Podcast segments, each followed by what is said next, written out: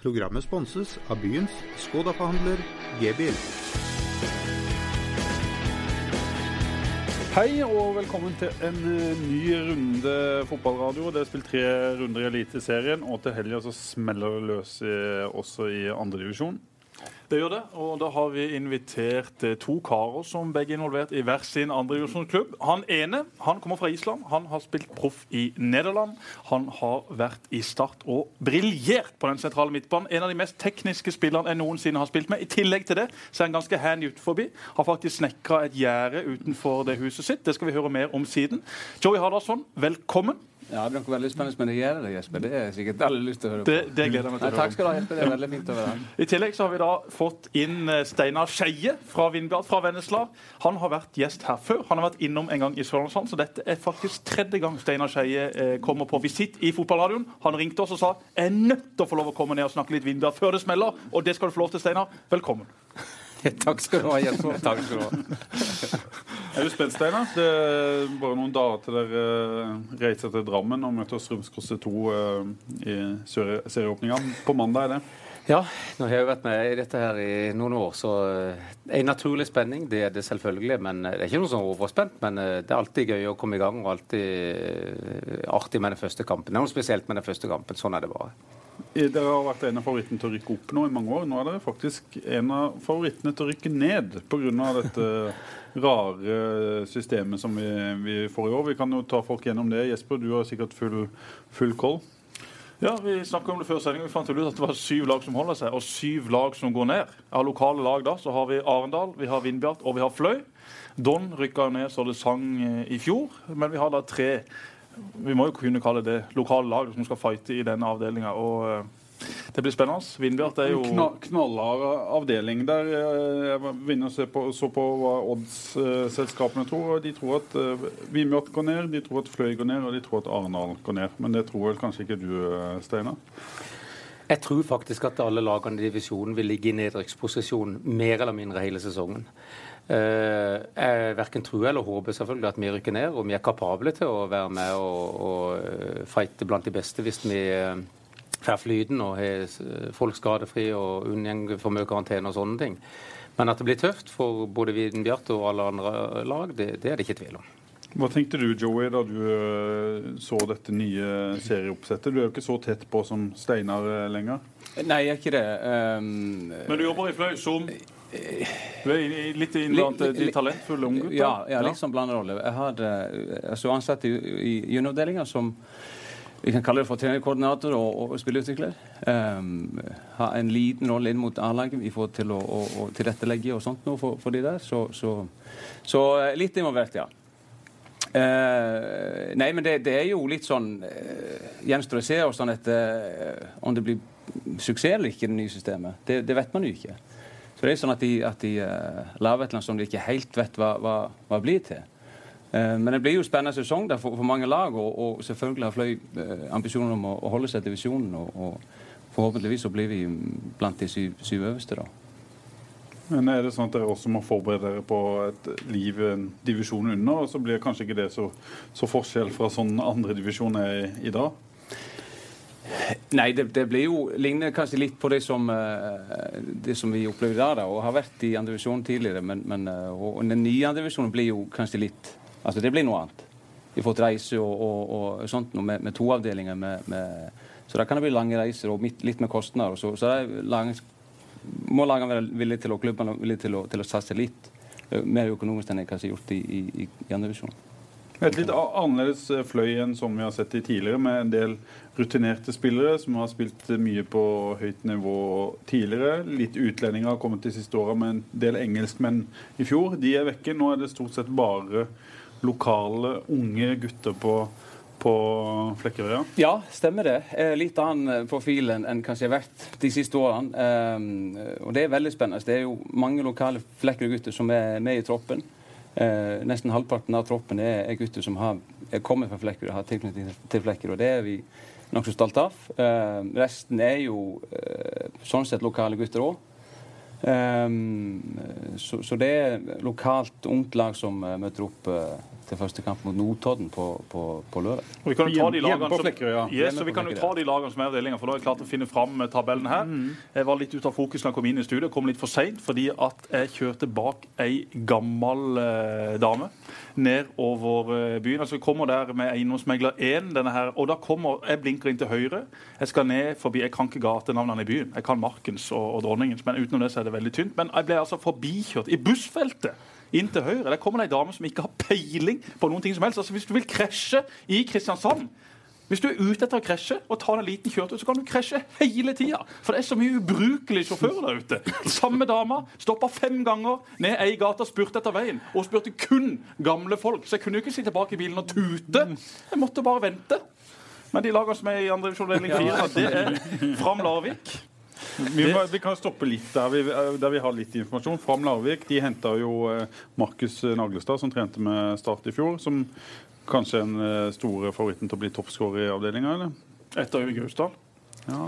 Ja, Øyvind Gausdal. eh, Vi har en del norgesrekord i, i Vennesla. Vi er no Norges beste på noen områder, og det er helt sant. Blant annet at Øyvind Gausdal er Norges mestskårende spiller de siste årene i, i toppfotballen. Så men, Men Naglestad hadde enda bedre snitt enn det vel Gaustad noen gang har hatt i andredivisjon. Skåra vel eh, 25 mål på et par og 20 kamper for eh, eh, Hvem var det han spilte for i fjor? Husker vi det? Ja, han spilte jo for et lag som det bare var krangel med. eh, Men jeg husker da søren hvem. Gjøvik Lyn. ja, det gjorde han. Og han leverte en strålende sesong i andredivisjon og kommer garantert til å skåre masse mål her også, for han er en veldig bra spiller på det nivået. Ankepunktet hans mot å spille på et høyere nivå er jo farta. Det går litt for seint. Hadde han vært litt kjappere, han, så hadde han eh, spilt eh, i Tippeligaen. Han hadde i hvert fall spilt på et høyere nivå enn det han gjør. Ja, men Fram Larvik er jo en sterk kandidat. Asker er der. Er vel også eh, hva, de er rykker jo opp i år, men de har jo litt tradisjon der borte. Og ja. det, det er mye gode spillere i området der. Nå konkurrerer de mot Bærum, da, som rykker ned fra første Mm. Det var, det var vel også veldig overraskende at de rykka ned fra andredivisjon i det to år siden. Ja, i forhold til satsinga Ja, så var det jo ja. det. Men eh, de kom opp igjen med Fyn og Klem, og, og kan bli en outsider. Ja, så har vi da FK Tønsberg, gammel storhet, som er på vei opp igjen. Der spilte jo Morten Hæstad i sin tid. Var ledd ut til, til disse. Spilte jo da sammen der med bl.a. Johan Bjørdal, som nå spiller i Rosenborg. Så de var gode for et par år siden. Petter Bru Hansen òg spilte der, som var i Start eh, etter at Joey la sin fantastisk gode høyre sko på hylla. Og så var Steinar Skei første trener i FK Tønsberg. Ja, det var du. Selvfølgelig var var du det. Selvfølgelig, Ja, ja. det var jo du som var Du var jo med på denne kjempesatsinga der borte. Ja. ja. To år fikk Men var ikke du treneren til, til de av jeg, var, jeg var første trener til FK Ja, Tønsberg. der kan du se. Verden er ikke stor. Jeg, jeg visste det, Steinar. Beklager. Jeg husker ikke det. Altså, jeg har fått eh, sparken. Hva sa du? En, eneste, eneste stedet Steinar Skeie har fått sparken. Nei, jeg fikk ikke sparken. Jeg fikk jo en eh, fallskjerm, og så kunne jeg gå. Sparken kaller vi det i journalistkretsen. I tillegg så har vi da Moss. Vi har Notodden. Notodden har jo et veldig bra lag. Magne Hosen blant annet. Har iallfall mye fine navn. Så er det jo alltid det spørsmålet hvor gode er de den dag i dag. De henta inn fem spillere over 30 år. Altså henter inn masse rutiner, og det er klart det, de satser knallhardt der oppe for å rykke opp. De òg. Og Grunnen til at uh, Notodden blant annet er så god på hjemmebane, er at for å komme seg til Notodden, så må du også kjøre verdens verste vei. Alle som spiller kamp på Notodden, de er bilsyke. Det er helt forferdelig. Det er en fryktelig vei. Det er et fryktelig sted. Vi spilte der oppe, vi bodde på et hotell. Det var ikke et menneske i gata. Det så ut som det hadde slått ned en atombombe i Notodden uka før. Og Men det dette var i høysesongen.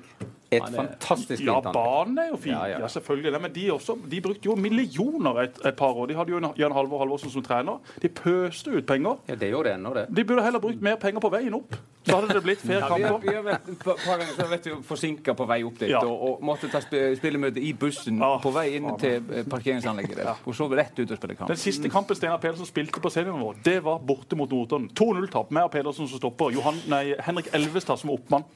Vi hadde rykka opp. Vi var elendige. Arm Khalili skåret altså et mål som aldri sett på maken. En volley på en eller annen startvipp. Fineste målet han skåret etter den basesparken han hadde mot Sandnes Ulf i kampen Myggen gjorde comeback i for et par år siden. Og det spilte vel også etter der, to år senere, en cupkamp da Notodden var i andre divisjon og startet i Eliteserien. Stemmer. Da spaserte vi videre. Ja, ikke spaserte. det var ikke mye spasertur. Det da. var 2-1 etter uh, mye flaks. i småjogger og så videre. Men eh, ja, vi ble kjørt i den kampen. Og Notodden er jo et godt hjemmelag sånn historisk sett. Så har vi da Odd 2. de eh, kommer jo ikke til å være med men Skal vi si noe om andre lagene til eliteserielagene? Ja, men skal vi kan først ta Pors. Ja. Vi har også Godset 2 i den avdelinga, og så har vi Ørn Hort. Men Godset 2 og 2 er i den avdelinga, og dette er jo en evig diskusjon. Hva gjør vi med andre Men de kan jo ikke legge opp til den taktikken de har pleid å legge opp til. At de sliter i starten av sesongen, ligger igjen på nedrykksplass, og så durer de på med A-lagsspillere når, eh, når, sesongen nærmer seg slutten og de ser at uh, lagene må holdes. Den taktikken funker ikke i år, Joey, med sju lag ned. Nei, det, det, men jeg er ikke så sikker på at de er, alle andre lag eller alle lag, eh, eliteserielag er så interessert i å være i andredivisjon til neste år. Uh, med, med, med kostnad, med, med reise, med ditt og datt.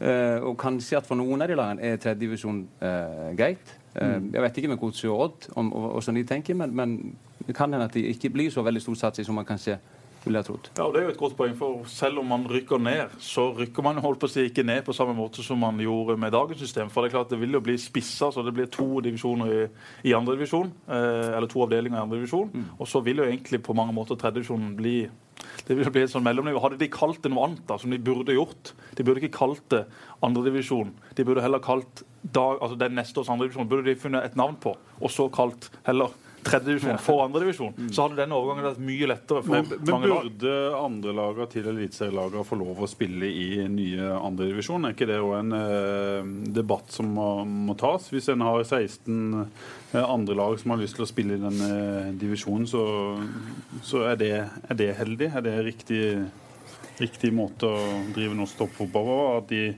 40 topplagene så er to lag fra, fra Rosenborg og to lag fra Molde? Jeg tror Hvis de lagene der skal ha mulighet til å være i nye, de to nye andre divisjonene, så må de tenke helt annerledes som du sa innledningsvis, eh, enn de har gjort til nå. For de, ikke, de, unge spillerne det er talentfulle, alt det der, men de holder ikke nivået i andredivisjon. Det viser jo dagens nivå at de ikke de gjør. De rykker jo ned opp og ned, og de ligger og kaver på, på bonden stort sett hele tida. Mm. Og jeg er litt sånn nede med Joey. Jeg er ikke sikker på om de ønsker heller å være i den andre divisjonen som blir Ikke nødvendigvis at det blir så veldig mye med reisekostnader, men jeg tror nivået blir for høyt hvis de tenker spillerutvikling. Så, og Det er jo det som er fint med, med Vindbjart og Fløy. F.eks. med Henrik Byklum som ble henta fra Randesund, som kanskje er for god for tredje divisjon. Stad 2 har ikke godt nok lag til å være andre divisjon, men da kan han gå da på lån til Fløy, som det også har blitt gjort med Vindbjart i veldig mange tilfeller de siste årene. Og Det er jo sånn man må ha det, at man har noen lokale lag i andre divisjon. Så er jeg helt enig, Stad 2 er det mye bedre å være tredje divisjon. Det er billigere, det er mindre reisevei. Og så kan man heller ha, ha, det gode samarbeidet man nå har. Det er jo sånn måten å løse på. Heldigvis er vi, er vi komme dit. Mm. Er det samarbeidet godt nå, Steinar? Har vi en startrepresentant som skryter av det. Ja, det, det, samarbeidet som har vært de siste årene med Vinbjart og Start, jeg kan jo bare prate for, for den bitens del, holdt jeg på å si. Men jeg har vel et inntrykk at det samarbeides godt med andre klubber òg. Men uh, med Vindbjart og Start så har det vel aldri vært bedre klima. Og, og, og hva er samarbeid? Jo, det, det, er jo to sider, det.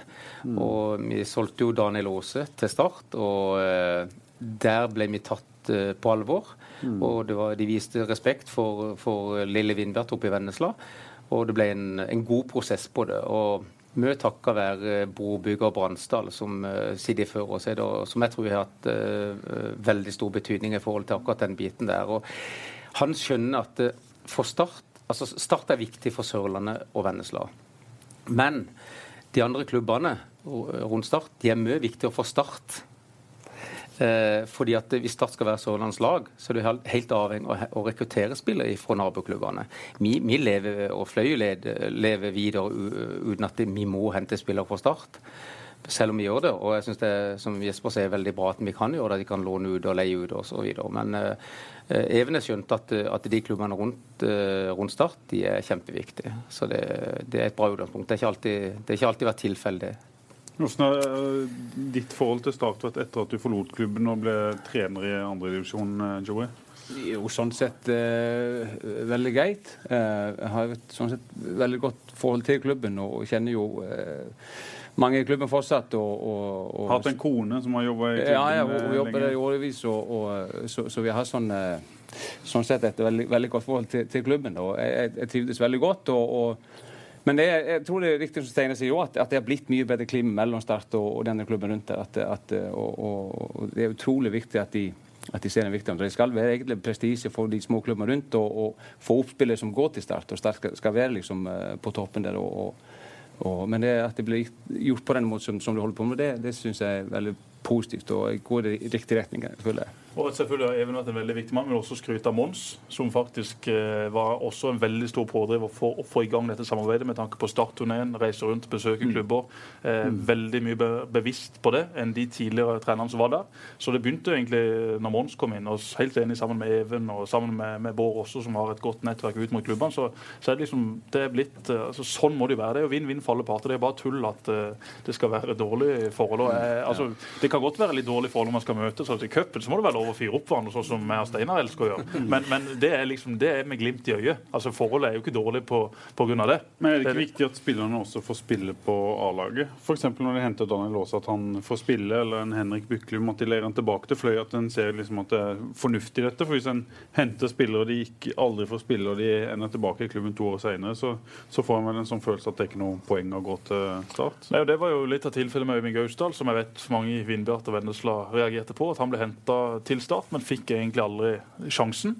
Eh, men noe av grunnen til det var jo at han ble henta, og så på trening så, så, så, var han jo hver dag. Og så er det akkurat det der at ok, du må bli vant til nivået. Øyvind var der et halvt års tid, et års tid. Og det kan være at sånn spiller som Øyvind, og som hele tida har spilt i andre divisjon, trenger kanskje enda litt mer tid på å bli vant til nivået. Daniel tok jo det eh, enda kjappere og var jo i avgjørende kamper for oss i fjor en av banens aller aller beste. Har hatt en litt trøblete start på årets sesong, men kommer også garantert til å spille veldig mye. Så jeg er jo helt enig. Det må jo hente spillere som er gode nok, ikke hente spillere fra det som, som stallfyll. Da er det bedre at de utvikler seg videre i, i Vindert eller Fløy. Mm. Men nå, to, jeg må bare spørre, spørre, dere to med en ting før vi skal du få lov å komme med etterpå. Når bør spillere gå til start fra, fra Vindbjart og fra Fløy? Det der er helt individuelt. Det må du ta i forhold til hver, hver enkelt spiller. Sånn som Jon Hodneberg som gikk til start. Jeg, jeg sa til start, og jeg, vi syns at det var for tidlig. Han skulle vente et, eh, til to år så tror jeg det kanskje situasjonen hadde vært en annen i dag. De kunne gjerne kjøpt han, men leid han ut igjen til, til Vindbjart og latt han spille der. Så det, det, det, er så mange faktorer som spiller inn i forhold til, til dette her. Øyvind Gausdal han var jo mer enn gammel nok, for å si det sånn. Eh, men nå tenker jeg mer på de som på en måte er gode nok, de som er best i sine årskull. Skal de opp og, og spille andredivisjonsfotball for Vindbjart og Fløy, eller skal de gå til Start når de er 15-16 og, og bli utvikla der, sånn som Start ønsker? Jeg tykker ikke det er noe sånn egentlig fasit på det. For noen har godt av å være der, og noen har godt av å være der. Vi har jo et mye voksnere i Vindbjart enn det har Start 2. For noen så passer det. Eh, eh, så er det dette med reiseavstand, totalbelastninger. altså Det er så mange faktorer som du må vurdere oppi det hele uh, før du tar en sånn beslutning. For meg så blir det sånn tull å si at når du er 16, så skal du dit eller dit. Og det er mange som har hevdet at hvis ikke du er tippeligaspiller før du er 20, så kan du bare glemme det.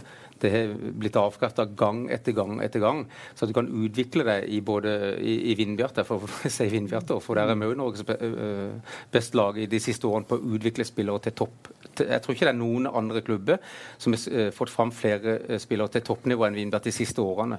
Det er ti-tolv stykk. Og det er ganske formidabelt til å, til å, være en sånn liten klubb som vi er. Så det viser at det går an, selv om du blir gammel og, og grå. Når det gjelder Gausdal, bare kommentere den. fordi at eh, det har noe med hvordan du bruker spillerne òg. Som trener så, så, tenker du at du, skal, du, du, må bruke og utnytte hver enkelt spiller på best mulig måte. I Vindbjart så kom han til Vindbjart og skåret vel åtte mål første sesongen. Etter hvert så begynte han å bøtte inn med mål i andredivisjon. Og så gikk han til Start. Der så, så skåret han ett mål. Han fikk jo ikke sjanse heller, da. men på Start to hele den høsten, skår, og det var ned et nivå, så skåret han ett mål. Og da, da, henger det i mitt hode sammen med at de var ikke gode nok, nok til å utnytte hans ferdigheter. Jeg er helt sikker på, og det kan jeg si nå, han er såpass gammel nå, så sikkert ingen som vil ha han. Jeg er helt sikker på at hadde du lagt opp spillestilen etter Øyvind Gausdal så hadde han bøtta inn i, i tippeligaen òg. For han er en maskin og et dyr i lufta. Jeg har sett han spilt mot tippeligaspillere og, og knuse de. Men han var god balle, og Daniel var jo en av de som forte han med, med gode baller. Og det er sånn man må tenke som, Så lenge Start ikke spiller 4-3-3, så er det ikke noe poeng å ha Even ja, det, det, sier jeg ikke. Det... Nei, altså, Even Gaustad i Vindbjart er strålende, eh, men jeg var spiller på den tida, trent med Øyvind hver dag, og i mine øyne så gikk det for seint med Øyvind for å spille seg inn på det laget. Og Det finnes også mange spillere som herjer i andredivisjon, som ikke tar det neste nivået, som ikke tar det nivået i første divisjon, som ikke tar det i tippeligaen. Det kan godt være at de trenger mer tid, men, men jeg er helt enig, altså Øyvind har noen ekstreme kvaliteter. Spilt mot han mange ganger. og Hvis han får et innlegg på bakerste stolpe, ja, så er han en av de tøffeste å møte. Men så, det, så går det litt fortere i tippeligaen. Du møter litt smartere spillere. og Det er, altså, det er ikke bare i Øyvinds tilfelle, det er mange tilfeller med spillere som kan være fantastisk gode på et nivå, men som aldri tar det neste. Men så vet du jo, Jesper, at eh, hvis du får tillit, så gir det selvtillit, og så får du en sånn positiv sirkel. Så jeg skal ikke se bort fra at Øyvind kunne lykkes. Hvis, jeg husker første kampen han hadde mot FC København. Han kom inn, og det var så mye om å gjøre. Altså så lite om å gjøre for at ikke han skårte mål. Da fem centimeter. Vi radio. Vi radio. og, og, hadde han skåret da, så kunne verden sett annerledes ut. Det er jo sånn det Sånn er fotball. Ja. Sånn er fotball. Joey, du må svare på det med talentet. Har du et annet syn på det enn Steinar, eller er du helt enig med han? Nei, det, jeg tror ikke det finnes noe fast på det. Det, det er helt, helt, umulig å si, eh, si, på forhånd. I Jon Hodmus' tilfelle så kunne det kanskje vært greit for han å vært et par år til i Vindbjørn før han gikk noe annet. Uh, og I Lasse sitt tilfelle hvis jeg tar han, så, så, ser det ut som det er fornuftig for han å ha dratt til start uh, på det tidspunktet som vi gjorde.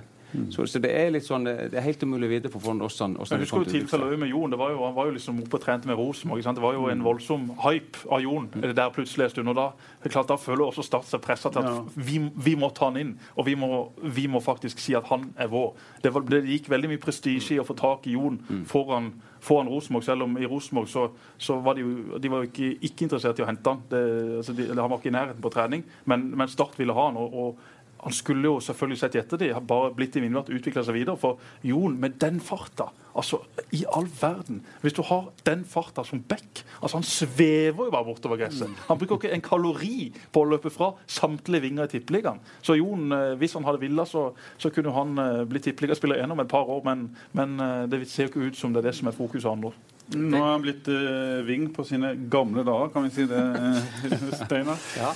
Hvor gammel er Jon? 20 år? Jeg er ikke vondt der. Ja, Det, det er vilt å tenke på. Han er søren ikke gamle kar. Men du kommer til å bruke han som ving i år, eller? Ja, han kan spille sideback, det vet vi. Men jeg, jeg, jeg tror at jeg tenker sånn Hvordan kan vi utnytte Jon best? Hvem sidebacker i andredivisjon følger Jon? Ingen. Ikke sant? Og med vår spillestil eh, så får Jon veldig ofte mye rom. Og når han får gode relasjoner, som han allerede har begynt å få i bakrom, så vil han garantert både komme til sjanse sjøl, og han vil eh, forhåpentligvis fòre Gausdal med gode legg. Så det tror jeg kan, jeg, Hadde jeg sjøl eh, vært i Start og vært trener i Start når han var i Start, så hadde jeg brukt han som kant. For jeg, jeg tykker rett og slett han Men Har du brukt han som kant i 4-4-2? Nei, det er noe, men hadde ikke jeg spilt 4-4-2 Du, vi må, den mannen her. Ja, vi, vi, nå peker vi på, nå peker vi på Johannes, Johannes Thor Hardasson, som han heter. Jeg prøvde å finne historie på Joe, men det er ikke lett. Altså, jeg prøvde, med, jeg prøvde med Tom Bærhus først. Tom Bærhus er jo en som har noe på alle. Eh, Joey er jo alltid den snille gutten. Når vi hadde bøter og en av oss ble forbanna for at vi fikk bot, sa bare Joey ja ja, det må jeg bare akseptere. Altså der har du Joe. Jeg spurte også Strømstad. Han hadde heller ingenting eh, sånn, Han hadde jo positive ting å si, men det er ikke det vi er ute etter. Vi er ute etter de, de litt sånn historiene som egentlig ikke Joe vil ha fram. Men eh, Fredrik sier bare har faktisk ikke ei eneste historie om han. Blid, hyggelig, hardtarbeidende, musikalsk, godt humør og fantastisk norsk-islandsk dialekt. Lærte norsk på to uker. Det skal vi komme tilbake til siden. Men Engedal han har eh, en, en, en liten sånn eh, historie. Eh, Egentlig så er Joey altfor fornuftig, sier da også Lars. Men han lærte seg norsk på to måneder etter å ha sittet på med Engedal hver dag til og fra trening. I tillegg til dette så har han ei lita ulykke. Han lånte den store transporteren til Kai Eriksen. Dette er da den bilen Kai kjørte fram og tilbake i med trening, med alt utstyr som i dag Øyvind Evjen har ansvar for. Denne lånte da Joey, og den rygga han inn i sitt eget hus. Og det er aldri sagt fra om. Så Jan Ness Altså, Han som alltid har stått i tigerberget med tatovering på brystet, og som var inne som oppmann nå, han eh, vaska faktisk alt treningstøy til alle spillere på La Manga ett år i én vaskemaskin. Han hadde alarm på fem ganger om natta for opp å henge opp tøy og sette på en ny maskin. For en maskin! Han ble jo utbrent eh, etter kort tid, det kan vi forstå. Men eh, dette er den eneste historien på deg, Joey, eh, fra Lars Martin Engedal, som faktisk spilte Don 2 mot Lyngdal her om dagen. Jeg var spiker. Og Lars Martin løp altså med pulsklokke i den kampen. Han løp 11 km som høyrebekk i fjerdedivisjon. Det må jo være en ny verdensrekord. Han er så godt trent. Han er blitt maratonløper. Han er mye mye mindre overfua enn det han noensinne var som startspiller. Så Lars Martin Engedal er i kanonform. De klarte bare 1-1 mot uh, Lyngdal. De klarte 1-1 mot Espen Hægeland og Lyngdal i et durabelig oppgjør. Ei perle av en goal fra Marius Hammers Bach som ble 1-1. Rygga du inn i ditt eget hus? Johnny? Ja, det var sånn at vi, Jeg fikk lånt den uh, bilen der. Ja. Den var, den var romslig og gøy. Så jeg skulle hente en piano som vi skulle ha hjemme. Og så, og så fant jeg og tok med meg de sterkeste startene som fantes i den tida. Det var jo Kenneth Høie, og, og, og det var jo Midtun Lie. og Fevan var òg det, men han var bare, bare for å se på. Og, og, Bala, Bala var ikke med. Bala var nok ikke med, nei. Nei. nei. Men han hadde jo uh, Han hadde jo egentlig hørt hjemme i det selskapet der. Altså. Han hadde det. Ja. Men så var det å hente pianoet et eller annet sted på Søm, og, og så uh, og så rugger jeg rett og slett inn i huset, ja. Inn i ditt eget hus. Inni inn i mitt eget Ja. hus, ja. Det var ikke noen stor skade på huset sånn sett, men, Nei, men, uh, men men det var Nei, det sa jeg aldri fra. Det var nok en uh, Ja. Ja, det var det. Ja, ja. det var. Men du, du lærte deg norsk. altså han, Støkkel, hopptreneren, har alltid fått så mye skryt for at han lærte seg norsk veldig kjapt. Jeg skjønner at det er lettere for en islending å lære seg norsk enn en østerriker, men det gikk utrolig fort fra du kom til du kunne norsk. Hvorfor? Og hvordan? Ja, kanskje? Nei, ja det, Jeg tror det er sånn med de fleste som kommer fra Island. Jeg vet ikke. Det var jo eh, Men, men det ja, Lars Martin skal jo ha mye ære for at, at, at det gikk sånn der. Er Ikke noe, ikke noe tull at han, han eh, bidro sterkt til det. Eh, man lærer jo egentlig først av det som skjer på feltet, og, og i den tida så var det mye mange ord som begynte på F med, med, med Tom Nordli og sånt. Men så, det var jo banneord det første man, man lærte seg, og betydningen av det. Det var ikke så vanskelig å skjønne hva, man mente. Nei, nei, nei. Eh, og så kom det sånn litt, litt etter hvert. da. Og, og, men Engedal skal, skal ha mye skryt for Og Engedal og. Hardarson, eh, vi var jo inne på musikalsk. Dere var jo begge medlemmer av det verdenskjente Bernt Hulsker-band. Ja, men Engedal fikk jo fort sparken. da. Han var, Han han, var, han var ikke god nok. Oh, så han fikk, han fikk sparken. Vi henta inn en annen basspiller. som Ja. Men du spilte Jeg, jeg, var, jeg spilte på rytmegitar. Morten Hestad i nyhetene i dag. Ja, Han spilte leadgitar. Han la jo opp i dag, Morten Hestad. Ja. Det- Kjetil Kamark? hva kan Kjetil han var uh, eh, eh, pianist. Pian og- Men det må jo være det eneste bandet i verden hvor navnet er oppkalt etter trommisen. Ja, det er det nok. Altså trommisen som sitter helt bakerst. Han stjeler alt showet. Ja, altså I mine øyne så er Bent mer trommeslager enn fotballspiller. Så han var fantastisk flink på tromme. Ja. Han var det. Så, så uh, helt naturlig at det ble kalt for Bent Huskeband, ja. Men Joey, Hvordan vil du oppsummere din uh, tid i, i Start? Du kom fra proffspill i, i Nederland.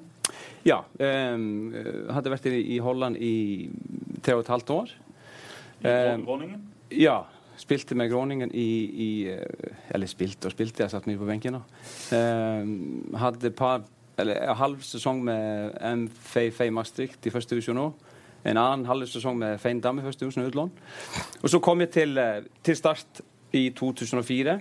Eh, ville prøve noe nytt. Jeg hadde jo slitt med spilletid og sånt nå i, i Holland, så, så, så da virka dette spennende. Spesielt at jeg har vært her ei uke i, i den tida og, og opplevd treningene og, og, og sånt. Og så eh, Og så, hva, hvordan kom du i kontakt med klubben? Hva skjedde der? Eh, jeg har en, en, eh, en fetter som heter uh, Johannes Aa. Diogo Gudjonsson, som er sønn til Gudjon Thordarson, som var trener i, i Start i eh, Som spilte i Aston Villa? Og Ja, som, ja, hatt en eh, karriere i, Spania Og som og var sønn Og, av Gudjon Tordarsson, som var i Start. som var i Start, Og ja. han var og besøkte oss på trening en gang. Vi Stem- trente på. Karus. Han var meget god. Han slo noen crosspasninger som vi ikke har sett siden. Han har spilt altså- i Premier League og i, i Nederland på veldig høyt nivå. Ja, ikke det? ja. Og Tom Nordli introduserte han på følgende måte. Uh, we have this player from uh, Iceland today. Also called son of Hitler. Ja. Det sa han. Det sa han. han sa det, og han sto der, og han ble helt, han ble helt paff! Hva sa du for noe? Sønn av Hitler på trening? Du kan ikke si det. Men det sa Tom. Han introduserte han som det, og skulle liksom være morsom. Og alle, eh, mange av disse hadde jo hatt eh, den gale islendingen som trener, og lo jo for så vidt. Men, men det Ja, å introdusere han som det ja, jeg vet da søren. Jeg, mener, husker han spilte back på den treninga. Jeg spilte venstreback, han spilte høyreback. Han slo noen crosser som kom de, når, når de forlatte foten hans, så var ballen 4 cm over bakken. Og når han kom til meg, så var han fortsatt 4 cm over bakken. Altså, Det var en meget god spiller Ja, kunne du se på trening. Han har en veldig god fot. Han, han har det. Ja. Og han har spilt på, på et høyt nivå i, i både ja, Holland og England og Spania. Og, Så, så har hatt en god, god karriere. Real Betis, ja. Ja. Mm. Eh, Men ja, var det han som fikk Ja. til start? Eh, eh, og, og Erik Soler var jo agenten til han i, lenge, litt lenger tilbake. Så det var egentlig via han som, som vi kom, kom i kontakt. Eh, kom hit, trente ei uke, og så, så ble vi fort enige om, om en kontrakt etter den uka der. Eh, og da eh, hadde jeg ett år i første divisjon, så vi rykket opp. Eh, ble skadet etter eh, sesongen 2005. Var, var ute nesten i halvannet år. Eh, og, og, og klarte nok ikke å komme opp på samme nivå etter, etter skaden. Hvilken skade var det du hadde? Eh, ja, Det tok jo lang tid å finne ut av det. Eh, det, det var jo en, en, en bekkenskade, egentlig. Eh, en fest oppe ved bekkenet som, som, eh, som er veldig sjelden, og, og, og ingen hadde operert eller gjort noe med, med sånn type skade før. Jeg reiste mellom spesialister både i, i Norge og Sverige og Island. Hiring for your small business? If you're not looking for professionals on LinkedIn, you're looking in the wrong place. That's like looking for your car keys in a fish tank. LinkedIn helps you hire professionals you can't find anywhere else, even those who aren't actively searching for a new job but might be open to the perfect role. In a given month, over 70% of LinkedIn users don't even visit other leading job sites. So start looking in the right place. With LinkedIn, you can hire professionals like a professional. Post your free job on linkedin.com/people slash people today. Og, og til slutt hos eh, doktor Mulle Wolfart i Tyskland via Kurt Støen, Jesper. Vår eh, osteopat Ja. i, i Start. Ja, eh, en legende, han, eh, han Støen. Han er legende. Eh, Vi har tatt historien før om den offside-regjeringa han ikke kunne på, på La Manga når Tom var trener. Og Det er sikkert ikke alle som har hørt den, vi kan ta den kjapt igjen. Men Kurt Støen var jo da på sin første, sitt første opphold på La Manga, og han, han kunne ikke offside-regelen. Så det kom bort en spiller som var skada, og Kurt sto på utsida av linja og behandla spillerne som sto på innsiden av banen. Eh, men før dette, før den situasjonen, så hadde han kommet bort en annen spiller. Og han hadde Kurt tatt på utsida av banen. Og da klikka det for Tom, for da må du jo få klarsignal fra, fra dommeren om å ta han inn igjen på banen. Så når neste spiller kom, som jeg begynte på her i stad, så står da Kurt på ene sida av linja, og spilleren står da på banen mens han får behandling. Men han står jo ti meter inne på egen halvdel. Så det motstanderlaget, når det angriper, og backrekka er rusha ut, så opphever jo da denne spilleren offsiden. Så da blir Kurt Støen skjelt ut for andre gang av Tom Nordli på fem minutter. Siden den gang så har han aldri tørt å behandle en spiller på banen. Så Kurt Støen liker seg best inne på fysiorommet. Men uh, Müller Wolfart, der også Fredrik Strømstad vært og fått fiksa seg, så det er en Ja, flink lege. han, han uh, slutta i Bayern München, men, men han eh, var, var det lenge. Og så, så fant han ut at, at det var egentlig ryggen som var eh, problemet til, til den skaden, og behandla ryggen og, og fikk eh, program og, og sånt noe etter det. Og, og eh, to-tre uker senere så begynte jeg å spille fotball igjen. Og da hadde det gått nesten halv, halvannet år. Ja. ja, for sånn, Jeg begynte som journalist i ja, var det 2006 eller 2007 å følge Start. Det eneste jeg husker med Joey, var at han løp runde på runder rundt banen. Han var alltid i trening, men du bare jogga. Ja, det, var, det var, ble fryktelig mye For det var ikke noe På lavt problem å tempo i, i, i, i, ja, i, i ett år. Vi var jo også, du var medlem av den berømte skadegruppa. Ja, stemmer det. Det var jo meg, det var Joey, det var Geir Ludvig Fevan. Jon Midtun Lie, Atle Mr. Var innom innimellom. ja. Dette var de gutta som da var skada over lang tid. Ja. Og der var selvfølgelig både meg og Joey medlem. Dere spilte ikke kamper, det gjorde Atle Roar Atle Råholland spilte kamper, ja, men han trente maks én gang i uka. Men da begynte vi å være der med kustøen. Ja, du? og vi hadde yoga. Vi hadde yoga. ved er der klokka syv på morgenen med, med kustøen. Det var topp stemning. Ja. Det var det. Med, med sånn uh, pusteøvelser. Ja, og- Fryktelig kjedelige øvelser. Ja, Ja, jeg har aldri skjønt hvorfor vi gjorde det. Programmet blir sponset av byens Skoda-forhandler G-bil. Men eh, 2005-sesongen, eh, Joey, det er vel sikkert et av dine sånn karrierehøydepunkt? Eh. Jo, det, det var jo fryktelig gøy å være med på, med på den eh, sesongen der. Det, det var det jo. Og, og eh, jeg ser også tilbake til den sesongen som, som en slags høydepunkt. Det, det er ikke noen tvil om det. Eh, og, stemninga og, og, og alt det som var rundt laget, var jo helt enorm. Eh, og, og Kristiansand stadion er jo den, den er ikke så fin, men, men det, vi, vi, det, det ble fantastisk flott stemning når det, når det var såpass mye folk. Og, og jeg er jo litt sånn, da føler man litt, at det er litt trist når man kommer inn på Sør Arena, at det er kanskje 3000-4000 mennesker som er der og, og ser litt sånn uh, glissent ut og sånt. Men, men potensialet er jo her, så, så, så det kan gjenskapes. Ja, Joey var jo fantastisk i 2005-sesongen. Han eh, spilte jo på en midtbane hvor Doffen og Fredrik selvfølgelig stjal de største overskriftene. Men den jobben Joey gjorde, og så god god som han var, både i kamp og på trening. altså Så teknisk han var, for et overblikk. altså For en smart fotballspiller. Han har, og han har faktisk skåret det peneste målet og den fineste finta noensinne i Sørlandshallen på ei trening. Jeg vet ikke om du husker det sjøl, Joy, men jeg husker det. Han, altså, han er rettvendt mot mål. Han tar med seg ballen bakover, og så gjør du noe som jeg aldri har skjønt hvordan du gjorde. Men du får iallfall ballen på et eller annet vis bak på hælen, og hælen han over Bård Borgersen og murer i mål. Jeg vet ikke om du husker den finta, men det var en finte som kun du kunne. Ja, og det er kun, uh, kun vi som kan den. Ja, Men det var meninga. Det var meninga. Dette var ja, ikke flaks. Ja, ja, det var helt bevisst. Og, og... Så jeg gleder meg til de unge gutta fra Flekkerøy når nå kommer ja, inn på Sparebanken Sør med Joey Finta. Det gleder jeg meg til. Men vi må også snakke om talentutvikling. For Island er verdens beste på dette. Iallfall Europas beste med tanke på folketall, mens Norge ikke er i nærheten av å være det samme. Hva gjør dere på Island som ikke gjøres i Norge?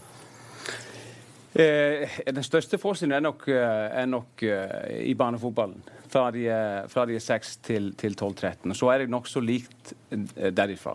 Det, det er sånn min oppfatning og mitt inntrykk. i hvert fall. Um, Fordi at det er flinkere trenere, lønna trenere? Ja, det, det stilles jo krav til, til uh, trenere i forhold til kompetanse helt fra de er seks-syv år.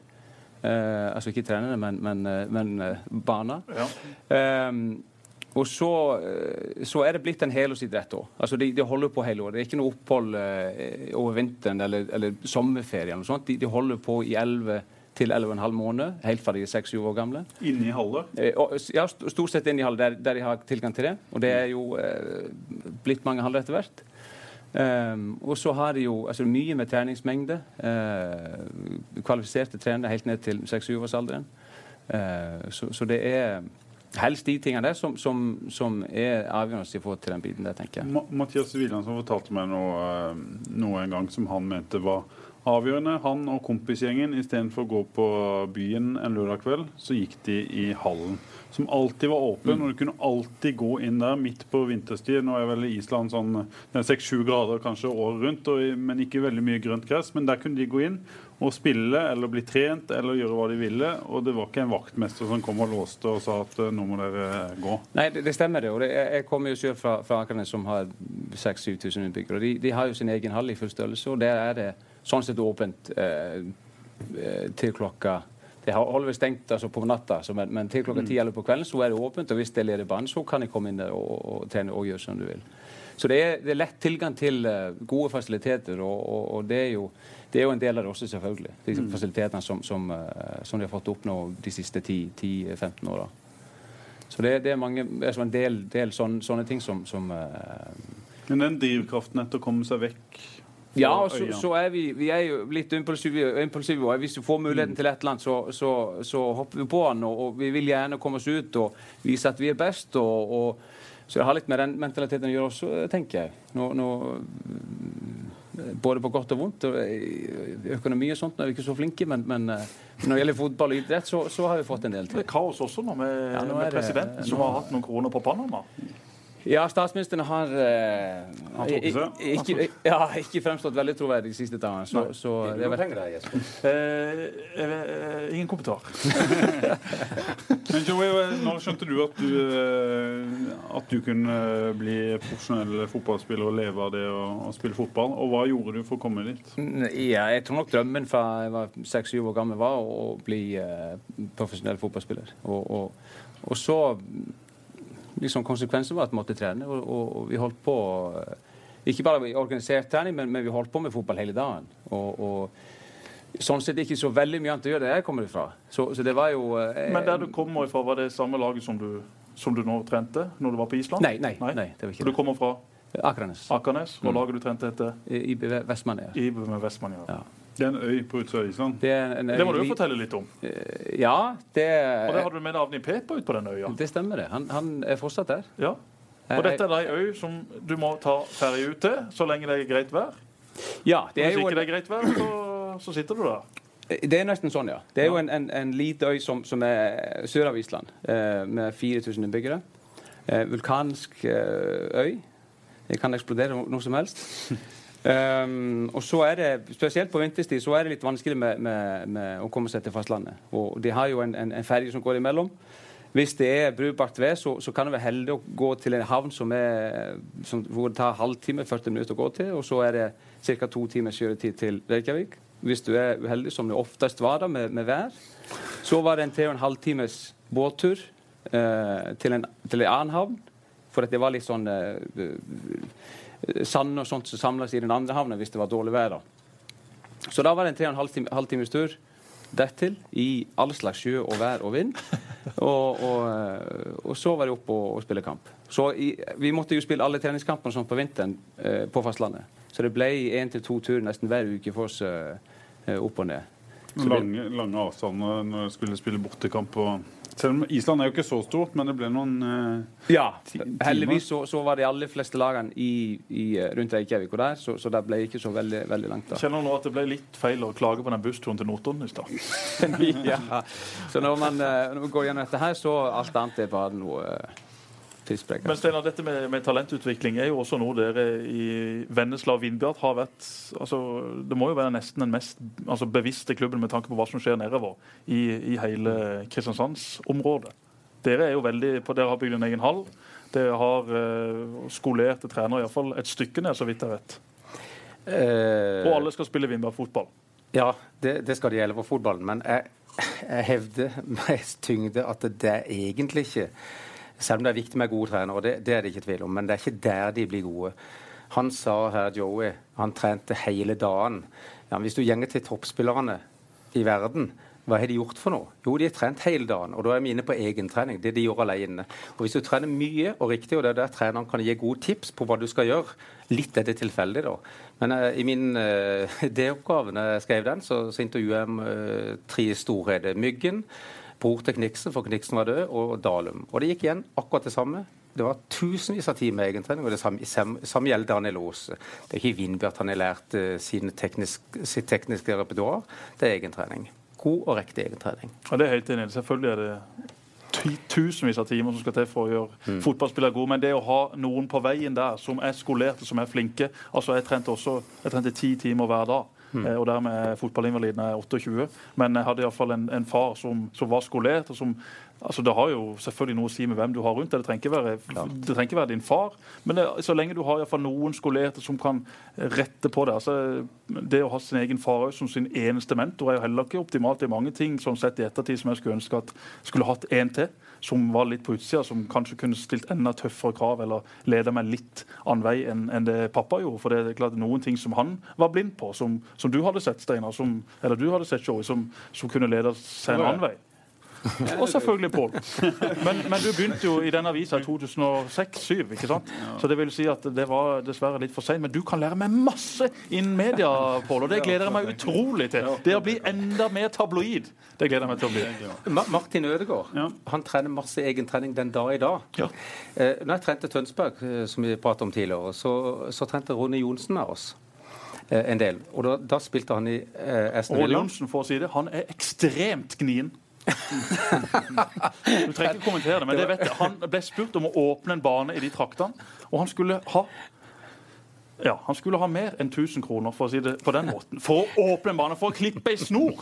Ronny Johnsen, ekstremt god fotballspiller, ekstremt gnien. Og ekstremt hyggelig.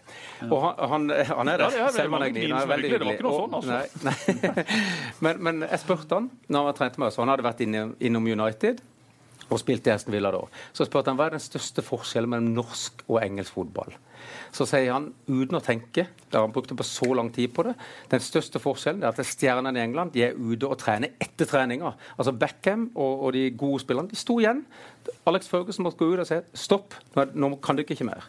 Så det var kulturen. altså Skal du bli god til noe, det, det er ganske enkelt. Du må øve masse, og så må du øve på de riktige tingene. Helt enig, men du må ha veiledning på, på det å trene. Det, det, er jo altså, det, forhold til barnefotball, at det ikke bare er en, en, som setter i gang en aktivitet, men at de, de er faktisk coacher på feltet når, når, de har trening. Det, men du er tross alt bare på feltet, si, om du, altså, du er bare der halvannet time. Det, det, du gjør utenom på fritida, mm, som du sa. Du gikk mm. fra morgen til kveld. Mm. Men, og det meste delen av den tida, da var, var du alene. Ja. Eller sammen med kamerater. Og det, det, du bli veileder trener og hva du skal gjøre der, selvfølgelig. Men Joey, du sa, sa jo en ting som ofte er det sånn brennbart uh, i, i, Norge. At det stilles større krav til kompetanse hos barna. At uh, de også da får lov å konkurrere, er vel en, en del av det. Hva tenker du om, om konkurranse i barnefotballen? Er, det, er vi altfor snille her uh, i Norge? Ja, det syns jeg.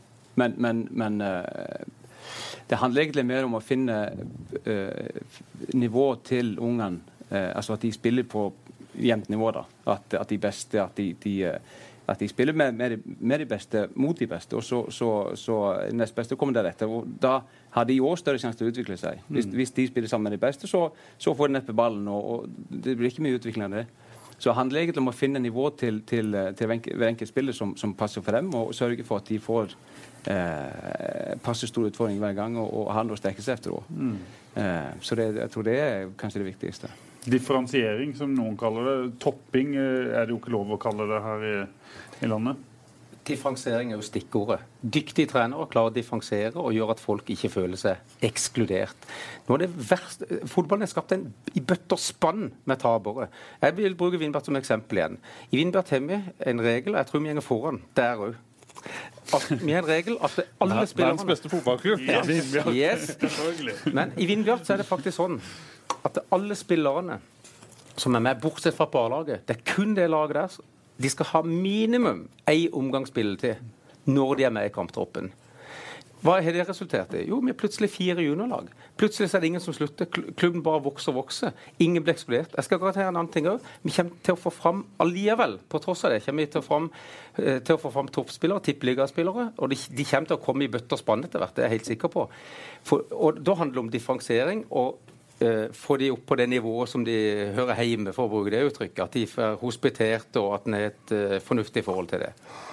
Så uh, Eh, Altfor mange fedre som på død og liv skal vinne den småguttekampen, og så lar de to gutter sitte på, på sidelinja og kanskje få et lite innhopp på slutten. Det er klart de slutter i løpet av kort tid. De gidder ikke være med på sånn noe. Og fotballen er en like viktig misjon med å uh, tilrettelegge for barn og ungdom. Trivsel, trygghet, og, og i et samfunn som Vennesla så, så, er fotballen en viktig bit uh, for hele samfunnet, rett og slett. Ja, og det som Steinar sier, En ting med, med det fotballmessige, men det er like mye med dette kameratskapet som, som, er viktig for å beholde folk. Men det du spurte Joey om, ja, vi er selvfølgelig altfor snille i Norge. Altså, nå, nå, nå, er vi i mine øyne på totalt villspor.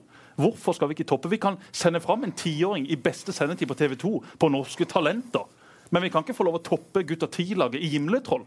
Altså, Nå skal jeg snart inn i barnefotball med min sønn. Her, I all verden det laget skal toppes, altså. Om det så skal starte sin egen klubb. Hvorfor skal jeg når jeg var ti år, som trente ti timer om dagen, hvorfor skal jeg spille like mye som eh, Mr. X, som sitter og lager sandkasse hver gang han er på trening? Altså, det må jo også være med at Kanskje Mr. X blir minst like god som den når han er Selvfølgelig gjorde han ikke det. Jeg må, jeg må få, jeg, jeg, der, jo, der, kjenner jeg at nå, nå blir jeg engasjert. Ja, men det er fint. Det er fint. Fordi at du er helt enig. Det med å differensiere, det, det som det har vinnbart med minimum er jo en gang helt perfekt. Men det at alle skal spille like mye, det er bare tull. Du har som regel et par på, på et lag som kan bli gode. Det er veldig sjelden at de som er best når de er 16, blir best når de er 26. Men du kan som regel si at du har ikke en Altså, jeg spilte fotball med noen på mine lag. De kunne spilt fotball Men er poenget for Gimletroll eller Vindbjart å utvikle spillere til å bli best mulig? Er det det som er Det, det er ikke den viktigste misjonen, nei. nei. Men, men, det må være rom for, de, det må være rom for eneren også. Hvis ikke så bommer vi totalt med tanke på alle andre idretter og de som virkelig vil. Hvis Norge skal få et godt landslag, hvis Norge skal få bli gode klubbfotball, så må vi dyrke de enerne. Og jeg vet at det er veldig sjelden. Jeg var på første landslagssamling da jeg var 16. Det var 18 stykker som ble tatt ut etter masse samlinger, masse vurderinger. Det var tre av de som ble noe i tippeligaen eller Høyre. Resten borte vekk. Jeg har ikke sett navnene sine i andre eller tredje divisjon heller. Så Det viser bare at det skjer enormt mye på disse årene. Men det kan ikke være sånn at det ikke er lov å toppe. Vi topper overalt. Vi sender ut tiåringer på TV 2, på NRK. Vi skal dyrke de der. Men hvorfor kan vi ikke dyrke de i fotball? Men, men hva, hvordan definerer du topping? Hva, hva, hvordan definerer du det? For det, det, kan du definere på mange måter. Når du sier topping, hva mener du med det? Altså, Hvis du har, har to-tre spillere på et lag som er markant mye bedre enn alle andre, ja, da mener jeg faktisk at hvis det er de som legger ned, hvis det er de som kommer på 100% av treningene, hvis det er de som alltid møter opp, så syns jeg faktisk de skal få lov å spille mer enn han som kommer på 80 av treningene, mm. og som bygger sandkasse hver gang han er på trening. Jeg spilte fotball med noen på mitt lag som kunne spilt fotball i 10 000 timer til, og de hadde ikke slått den innsidepasninga 1% bedre. Og det kan vi gjøre, Vindbjart. Altså, noen kan spille hele kampen, men alle skal ha minimum én omgang. Og Det syns jeg er et strålende tiltak. Det er det jeg sier. Jeg synes Det er fantastisk at alle skal spille minimum med humor. fordi at eh, Noen av de beste kameratene mine i etterkant var jo noen av de som, eh, som satt ytterst på benken. Altså, Noen av disse gutta er jo de jeg snakker om, som ikke kan slå en pasning den dag i dag, selv om de har spilt mm. fotball i 20 år. De kommer aldri til å klare det heller. De, de, de, ikke sjans, de, de, har ikke sjans. Akkurat som jeg ikke har sjans til å lære meg piano eller gitar. Jeg gikk på Musikkens hus i to år. Jeg lærte meg én sang. Det var 'Love Me Tender'. Én sang på to år! Men hvorfor? Jo, det var fordi at hver gang jeg kom ned til Jan Erik Usterud på Musikkens hus meg og pappa kjørte ned, jeg sa til pappa hvorfor gjør vi dette? Jo, for mamma sier du må ha noen andre interesser enn fotball. Så vi kjørte ned der, brukte titusener over to år. Jeg lærte meg én sang. Hvorfor? Jo, for jeg øvde aldri hjemme. Jeg øvde kun det kvarteret med Jan Erik Ustrud. Hver gang jeg kom ned, sånn som lå det For Han spurte meg alltid når vi begynte timen ja, har du øvd, Jesper. Og jeg sa Nei. Jeg har gømt. Og han var så skuffa. Men det er litt av mitt poeng. Altså, du blir ikke god på gitar hvis ikke du øver, og du blir ikke god i fotball hvis ikke du øver. Da må du dyrke de som er gode på gitar, og de som er gode i fotball. Men hvis du dyrker de som er gode, så må du gjøre det på en så snedig måte at du får med de Selvfølgelig, men du kan gjøre det på en elegant måte. Det må ikke være sånn at Men Det eh, høres ikke ut som du har tenkt å gjøre det på en særlig elegant eh, måte når du skal toppe Nei, men jeg er jo ikke særlig elegant i mye av det. Altså, det, det, det, er jo en ting som man gjør i kamp, og det, det kan gjøres på forskjellige måter å spille til sånt nå, og det er fornuftig det som Steinar sier. Eh, men det viktigste er jo det som skjer på trening òg. Eh, altså, de, de, spiller jo kanskje én kamp i uka eh, i tre måneder, et eller annet, i året. Men de har, altså, de har så mange, mye flere treninger som, som, hvor, de, treffes og møtes og skal, skal øve bedre, og bli bedre. Og det er der som vi må eh, differensiere og, og, og, og lave grunnlaget det. Mm. Absolutt. Og I tillegg så må, være, så må, det være, sterke nok folk i klubbene til å si at eh, altså Personlig, jeg spilte på tre lag. Jeg løp fra den ene kampen til den andre og så til den tredje. Det er klart at Da ryker knærne ja. når du blir et par og tyve år. Da er du ferdig. Altså, det er mye bedre at eh, Hvis jeg da eh, var mye bedre enn mine lagkamerater ja, men kunne heller spilt eh, på det laget som var ett år eldre. Da, for å få den matchinga. Det også blir jo galt i dagens barnefotball. Sånn som jeg har inntrykk av. At det er ikke lov å spille på et år eldre hvis du er markant mye bedre enn dine lagkamerater. Som selvfølgelig er mye bedre for utviklinga. Lene Mykjåland spilte fotball med oss og opp til hun var 15-16.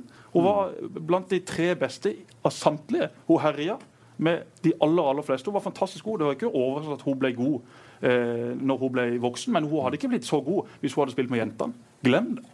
I Vennesla er vi Norges kuleste prest, Bjarne Nordhagen. Steinar, nå, nå, nå, er det mye her. Nå skal du, ja, nå skal du, ja, det, det finnes mye kule prester rundt forbi. Ja, ikke som Bjarne. Jeg var på alfakurs. Nei, men la meg fortelle ferdig. Nå må, jeg må fortelle ferdig den. For dette, nå er vi inne på dette med hva, hva, hva jobber han med? Eller jobb, jeg, ja, han er jo prest. Han er jo prest. Ja, ja nå er han, han er ikke det, men Det er med fotball, ja. Han holdt et foredrag. Og I Vinbjørn så hadde vi sånn at vi skulle dyrke talentene og ta vare på alle. Så sa han hvorfor kan de ikke heller snu det? Dyrke alle og ta vare på talentene. Ja, så prøver vi på det. Det syns vi var meget bra sagt. Ja, Dyrke alle, ta vare på talentene. Det er vel et nytt slagord til Norges Fotballforbund. Det er, Norges Fotballforbund, det er også en case. Men vi ikke ta den i dag. den i dag. Men vi, vi, vi, skal snart avslutte. Vi må si litt om, eh, om det som skal skje nå etter til helga i, eh, på Sparebanken Sør Arena også. Veldig mange av de som uh, hører på oss, er mest opptatt av, av Start. Uh, Eidur Gudjonsen. Gudjonsen, ja. Ikke Gudjonsson, som veldig mange sier. Til og med Jørgen Klem, min kollega i TV 2, sa dette på sist kamp. Han heter Gudjonsen. Det er sant. Hvordan forhold har du til han, Joey? Han er en av de få som har et etternavn. Altså sånn et, etternavn. Faren heter Arno Gudjonsen. Men ellers så er etternavnet alltid uh, sånn. faren sitt navn. ikke sant? Ja, eh, men, men eh, jo, vi, vi kjenner hverandre. Jeg har vært sammen med ham på, på landslagssamlinger både i, på U-landslag og, og A-landslag. det er nesten jevngamle år, vel? Ja, han er vel to år yngre enn meg. Ja. Født i 78. faren forresten er fantastisk god fotballspiller. Han spilte til han var 41 eller 42, så jeg har garantert par år igjen i kroppen og, og, lyst til å være med på EM selvfølgelig i sommer. Men, men utrolig, utrolig dyktig fotballspiller. Eh, flott person. Eh, så det er jo en, en, en glede å, å, ha han i, i norsk fotball, syns jeg. Gleder du deg til å se ham på, ja, på søndag? Det gjør jeg. Ja, det blir nøkkel for Start å ta han ut av kampen? Ja, Det er, det er mye i Molde-laget som, som må, må, tas ut ja. hvis, de skal, hvis, de skal, vinne. Men, men klart at han de kan ikke tillate at han får mye rom og, og, og mye tid på ballen hvis de, eh, hvis de skal unngå å få, få sjanser og mål imot seg. Så, så, det er klart en, en, en, en av de nøklene. Ja. Hvordan ser du Start nå, eh, i forhold til hvordan de så ut i, f.eks. I, i fjor? Eh, nå har jeg fått med meg kun én kamp av de første tre, men, men eh, de, de, fremstår jo Virker det som mye mer uh, mye mer solid, mye mer, uh, altså bedre struktur defensivt. Og, og, det er jo sånn, Man forventer egentlig av Steinar at det skulle være god defensiv struktur og, og færre mål. Nøkkelen blir jo å, å, å få det løsna litt fremover i banen, og at de, at de blir at det blir både sjanser og mål etter hvert. Men, men det, det, viktigste var nok å få på plass dette her med, med, med strukturen defensivt og, og, og ferdig mål. Og, de hadde vel i Jerv i fjor, så, så, vant de ikke kampen i syvende eller åttende runde. Så selv om de taper i helga, eller øverst i helga, så, så er det ikke noen grunn til panikk. Eh, og jeg stor tro på at Steinar vet hva han holder på med. Kun to lag som rykker ned fra Eliteserien, ikke sju. Steinar, eh, hva ser du av, eller hvordan ser du Start eh, nå? Nei, Jeg er enig med Joe. De har sett bra ut defensivt og slipper motstander lite til. Eh, samtidig så syns jeg de har vært ikke veldig gode offensivt. Og hvis det er sånn Det er fort at det blir det. At, og jeg skjønner òg at det er viktig å ikke tape kampene. Men hvis det blir på en måte gjennomgangsmelodien, at det er viktig å ikke tape enn å vinne, altså fokus på å vinne, så blir det fort sånn at du blir du tett igjen bak, og så er du ikke villig nok til å slippe folk fram og skape offensiv fotball og, og målsjanse og sjanse og styrekamp og alt det der. Så den må de Det regner med at de, de fokuserer på òg, kanskje. men eh, det er alltid en viss fare for at frykten for å tape er større enn lysten til å vinne. Ja, fryktelig vanskelig kamp på, på søndag. Molde er ikke lett. Ja, men du kan ikke Altså, fotball det er et spill. Det er like mange spillere på banen. Du må tro selvfølgelig på at du kan gå ut og vinne hvilken som helst kamp. Mm. Eller så kan du bare la være å spille den. Så at Start kan slå Molde, selvfølgelig så kan de det eh, var større favoritt mot Vindbjart i Vennesla enn Molde er mot Start i Kristiansand. Så det er fullt, ja, det er det jeg sier, det er fullt mulig, selv om, eh, selv om det ser litt vanskelig ut på papiret. Ja. Men eh, dere, i deres øyne så var dere favoritter i Vennesla, og det var dere med rette. For dere ødela jo det startlaget der i, i Vennesla. Og, eh, Neste uke skal dere til på et uh, nytt uh, cupeventyr. Dere begynner vel borte i, i Arendal. Hvis ja. dere vinner den, så blir det vel Hvis dere er heldige, Start igjen, eller? Nei, treffer vi starten nå i år, så er det på nøytral bane. Ja. Du tror det? Ja, hvis vi treffer Start i år, så tror jeg det er på nøytral bane. Ja, men Hvis det, det kommer det etter tredje runde, så Nei, etter tredje runde så trekker det. Vi treffer ikke Start i første, ikke i andre og ikke, og, og ikke i tredje. Og hvis Start og Vindbjarte er igjen som to eneste sørlandslag, tror ikke du får det i tredje runde, i og med at dere spilte mot det i fjor? Nei, det, du skal ikke spille mot det samme laget. For det, de setter opp nemlig første, ja. andre og tredje runde. Ja. Og så trekker de fra fjerde. Og de setter ikke opp start mot Vindbjart. De burde gjøre det, for det er jo en folkefest. Da kan, ringe, da kan jeg ringe og bestille hotellrom i Oslo likevel, for da har vi faktisk sjans når vi slipper Vindbjart nå.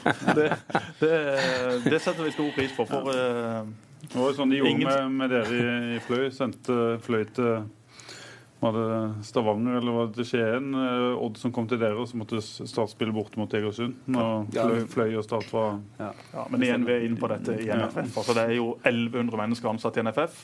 Og noen av de er jo ansvarlige for å finne på tåpelige regler, sånn som dette her med å hente ballen i mål. Sånn som Jerv, sin Dennis Ante fikk gult kort for i helga.